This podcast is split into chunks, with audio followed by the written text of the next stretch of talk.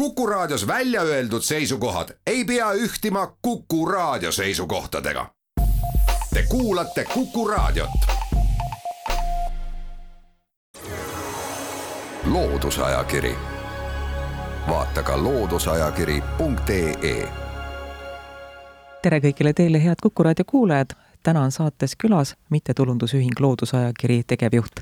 tere, Riho Kinks. tervist mina olen saatejuht Tiiu Rööp. me hakkame tutvustama maikuu Eesti looduse numbrit, see on looduskaitsekuu number ja seetõttu uurib Eesti loodus tähelepanelikumalt ilvese ja karu, samuti hundi käekäiku, aga lugeda saab muudelgi teemadel. rubriigis Kuu looduses juhib Piret Pappel tähelepanu meie roomajatele mul on hea võimalus laiendada rubriiki Kuu looduses, küsides sinult, Riho, milliseid märke võiks linnuhuvilised maikuus tähele panna ja märgata? Kes on linnuhuviline, see on kindlasti märganud mitte maikuus, vaid juba noh, veebruaris, märtsis muutusi, eks ole, kui esimesed rändlinnud hakkasid meile tagasi tulema, aga mis on küll sel aastal eripärane, et väga külm on olnud. Ja isegi kui on päikeselised ilmad, näiteks nagu siin viimased päevad, siis see tuul on ikkagi kaunis kõle ja külm ja lindudele rändeks ebasoodne et loomulikult nad ei jäta meile siia tulemata, aga see on kuidagi toimunud niimoodi, ei ole paisu tagant nagu õieti lahti saanud, et ei ole ise ka näinud suuri parvesid päris lendamas, kui nüüd äh, haned välja arvata. aga siiski kevad äh, saabub kindlasti ka siia Eestisse ja juba räägitakse sellest, et on esimesi kägusid kuuldud, suitsupääsukesed on ähm, päris massiliselt juba väidetavalt kuhugi Eestis jõudnud, ma ise küll pole näinud ka räästapääsukesed ja teised sellised kaugrändurid, kes tulevad päris Aafrikast, nii et ega siin lähebki ütleme nädal veel ja siis peaks olema ööbik kohal juba kalendri järgi, siis kui toomingas õitsema hakkab, aga vaatame, mis see temperatuur siin teeb, kuidas see kevad areneb, loodetavasti tuleb suurem soojalaine varsti ka.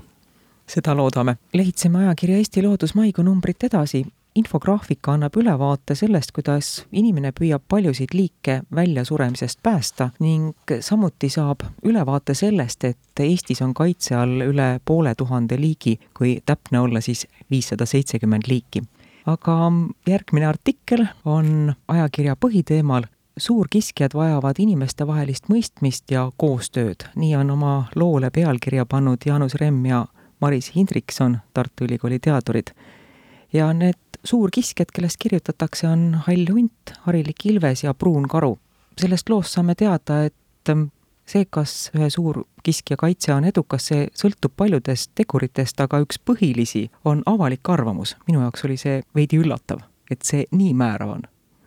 jah, siin on väga hästi need äh, loo autorid kohe alguses ära öelnud, et ähm, on aeg mõista, et suurkiskjad on loomulik osa meie maastikest et kahjuks endiselt on tõesti nii, nagu siin autoridki ütlevad, et ähm, kui nüüd valmis uus suur kiskjate ähm, kaitse ja ohjamise tegevuskava järgmiseks kümneks aastaks, siis kõige suurem rõhk on siin pandud sellele, nagu ütleb see pealkirigi siin äh, sellel lool, inimestevahelist mõistmist on vaja ja koostööd selleks, et äh, siis kaitsta ja säästa ja ka ohjata meie suurkiskjaid, siis hunti, karu ja ilvest, nii et äh, tõepoolest äh, isegi kahjuks oma tutvusringkonna lähematest tuttavatestki tean, et ähm, hunt on ikkagi paha loom ja neid tuleb ikka nottida, kui vähegi võimalust on ja ega karu ja ilves on samamoodi konkurendid inimesele.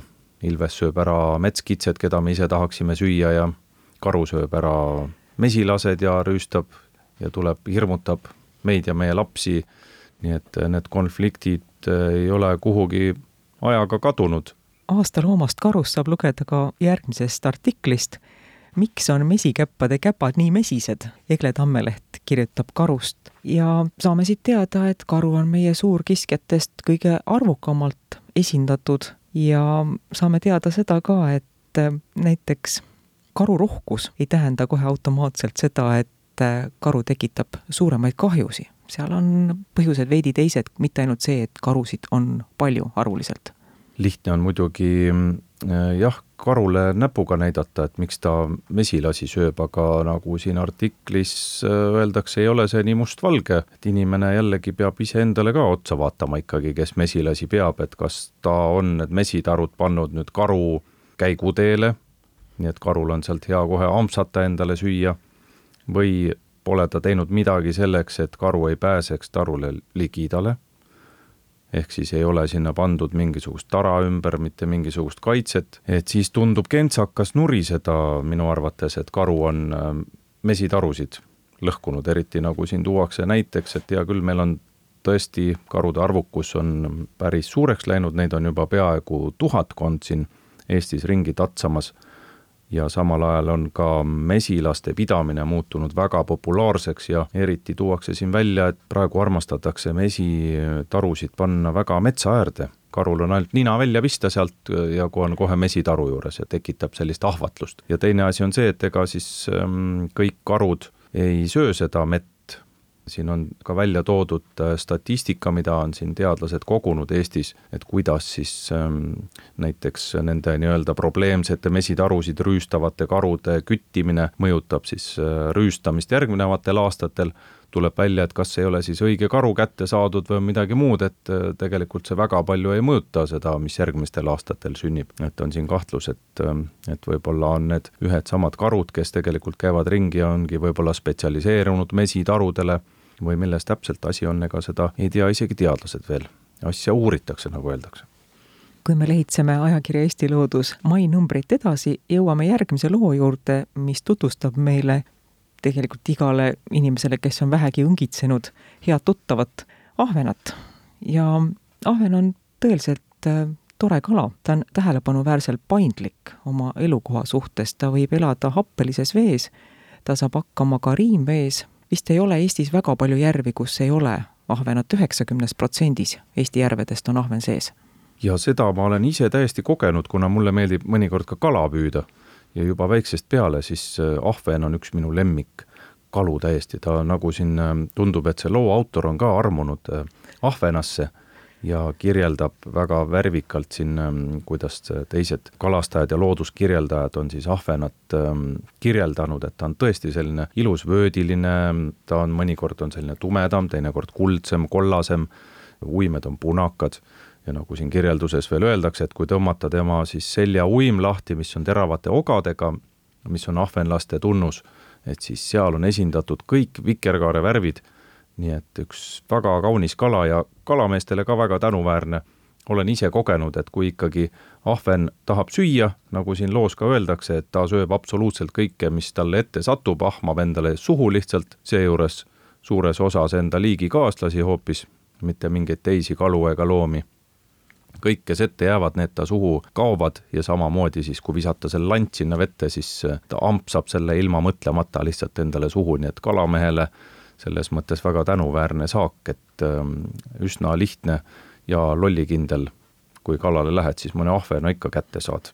me teeme nüüd ajakirja Eesti Loodus maikuu numbri tutvustamisse väikese pausi. loodusajakiri, vaata ka looduseajakiri.ee loodusajakiri läheb edasi. kuku raadio stuudios on MTÜ Loodusajakiri tegevjuht Riho Kinks, saatejuht on Tiiu Rööp me jätkame ajakirja Eesti Loodus värske numbri tutvustamist sealt, kuhu me selle tööga enne pausi jõudsime. aasta kala juurest liigume edasi aasta sambla juurde, ka seda tutvustatakse ajakirja Eesti Loodus mai numbris. pitskraed puutüvedele on kudunud sulg ja sõhik, selline väga romantiline pealkiri on loole pandud. Nele Ingerpuu ja Kai Vellak, Tartu Ülikooli sambla teadlased tutvustavad aastasammalt sulg ja tõhikut, tõeliselt kaunist sammalt. Tasub just vaadata fotosid, mis on selle loo juures, need on ka siin ilusad suure formaadiga pildid.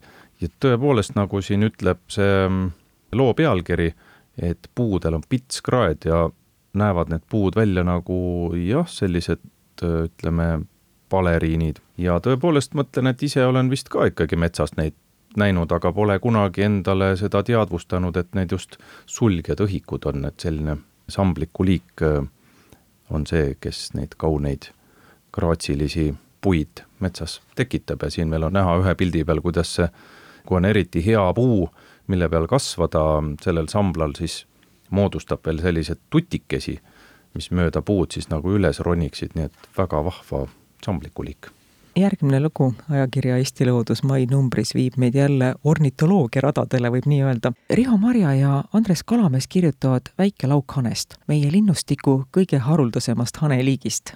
ütle, Riho, kui suur on tõenäosus, et linnusõbral õnnestub Eestis väikelaukhane näha? kahjuks on see võimalus väga pisike et see võimalus on siis, kui oled ähm, selline kõva linnuhuviline ja mõne Facebooki grupi liige näiteks või, või siis jälgid äh, hoolega, mida teised kõvemad ornitoloogid räägivad ja kuuled, et kusagil on väike laukhane nähtud, siis tormad sinna kohale. kui see koht muidugi avalikustatakse, sest tegemist on äh, väga haruldase liigiga ja ka kaitset vajava liigiga ja selle tõttu, nagu siin artikliski autorid ütlevad, et näiteks kõige suurem või kõige arvukam läbirändajate salk, keda Eestis teatakse, peatub Hiiumaal, mis on üsna uus teadmine siin Eestis ja seda täpset kohta üldse ei avalikustatagi, selleks et linnuhuvilised ja fotograafid ei läheks äh, neid hanesid sinna peletama, nad saaksid rahulikult oma kõhu täis süüa ja siit edasi rännata. ja need väikelaukhanned siin kaua üldse ei peatu, kaks-kolm nädalat äh, ja liiguvad siit edasi oma pesitsusaladele, mis on siis kaugel põhjas, Rootsi, Norra, Venemaa põhjaosas ja kahjuks on niimoodi, et ähm, sama väike tõenäosus, kui teda on kohata siin Eestis, on ka igal pool mujal, sest tema arvukus on tõesti väikeseks jäänud. arvatakse, et üldse neid väikelaukhanesid kogu oma asurkonnas siin Euraasias on järgi jäänud kusagil viiekümne tuhande linnuringis ja need on siis ka jaotunud erinevate äh, omavahel siis mitte kokku puutuvateks populatsioonideks ja ja meie linnud, kes siin Eestis peatuvad, neid on viimastel aastatel siin äh, noh, kuni sada nähtud. Igal aastal just kevadrändel peatumas, sügisel lähevad siit pigem mööda, aga et äh, see on osa ühest väga väikesest tegelikult Skandinaavia populatsioonist, nii et võib-olla, et suur osa neist äh, selle ühe isoleeritud populatsiooni asurkonnast rändab siit Eestist läbi ja meil on väga suur vastutus just selle väike laukhane säilimise ees. leidsime ajakirja Eesti Loodus maikuu numbrit edasi ja jõuame rubriigi juurde Tegutse teadlikult mesilaspesad sumisevad rohkem kui putukahotell, nii on oma artikli pealkirjastanud linnaelustiku ekspert Meelis Uustal ning kirjutab ta putukahotellidest, mis on võrdlemisi putukavabad ja ka sellest, et liblikatele mõeldud liblikamajad on üsna kasutud. miks see nii on, sellest ta veidi kirjutab ja kirjutab ta sellest ka, et kuidas teha siis ühte paremini toimivat putukahotelli, tuleb välja, et kõige parem lahendus oleks ikkagi see, kui aianurgas oleks mõned puunotid jäetud vedelema ja, ja kui oleks selline vana klassikaline kompostihunnik, see meeldiks paljudele. Täpselt nii, siit tuleb mul kohe, hüppan jälle ornitoloogia valdkonda siit äh, sujuvalt üle kuna mulle on linnud lähedasemad kui putukad ja olen rohkem tuttav ka pesakastindusega, siis seal on täpselt sama teema, et kõik ähm, asjad, mis näevad välja nagu linnupesakast, ei ole seda. et kui vaadata poes ringi, ka praegusel ajal müüakse just äh, igasuguseid pesakaste, mis näevad väga veidrad asjad välja, need võivad olla näiteks rahakassad või midagi, aga mitte pesakastid kindlasti. nii et äh, tasub ikkagi hoolega mõelda oma peaga ja vaadata, mida te ostate või siis enne natukene kas või internetis surfata, mida räägitakse siis pesakastide või praegusel juhul putukahotellide või mesilaspesilate kohta, mida saab nii poest osta kui ka ise meisterdada ja selle loo autor Meelis Uustal ütlebki, et kõige parem on ikkagi ise teha, et ähm, ärge usaldage neid poes müüdavaid asju, vaid katsuge ise meisterdada ja siin on üsna täpsed juhised, kuidas seda teha oluline on vaadata siis, kui pikad need kõrred ja, ja asjad on, millest ähm, seda äh, majakest kokku pannakse, kuidas seda täpselt teha ja tegelikult sama nagu linnupesakastiga selgub, et seda tuleb ka puhastada või vaadata siis äh, sügisel üle, mis seal toimunud on suve jooksul. Ja kui vaja, siis puhastada, kui vaja, siis asendada mõni osa võib-olla.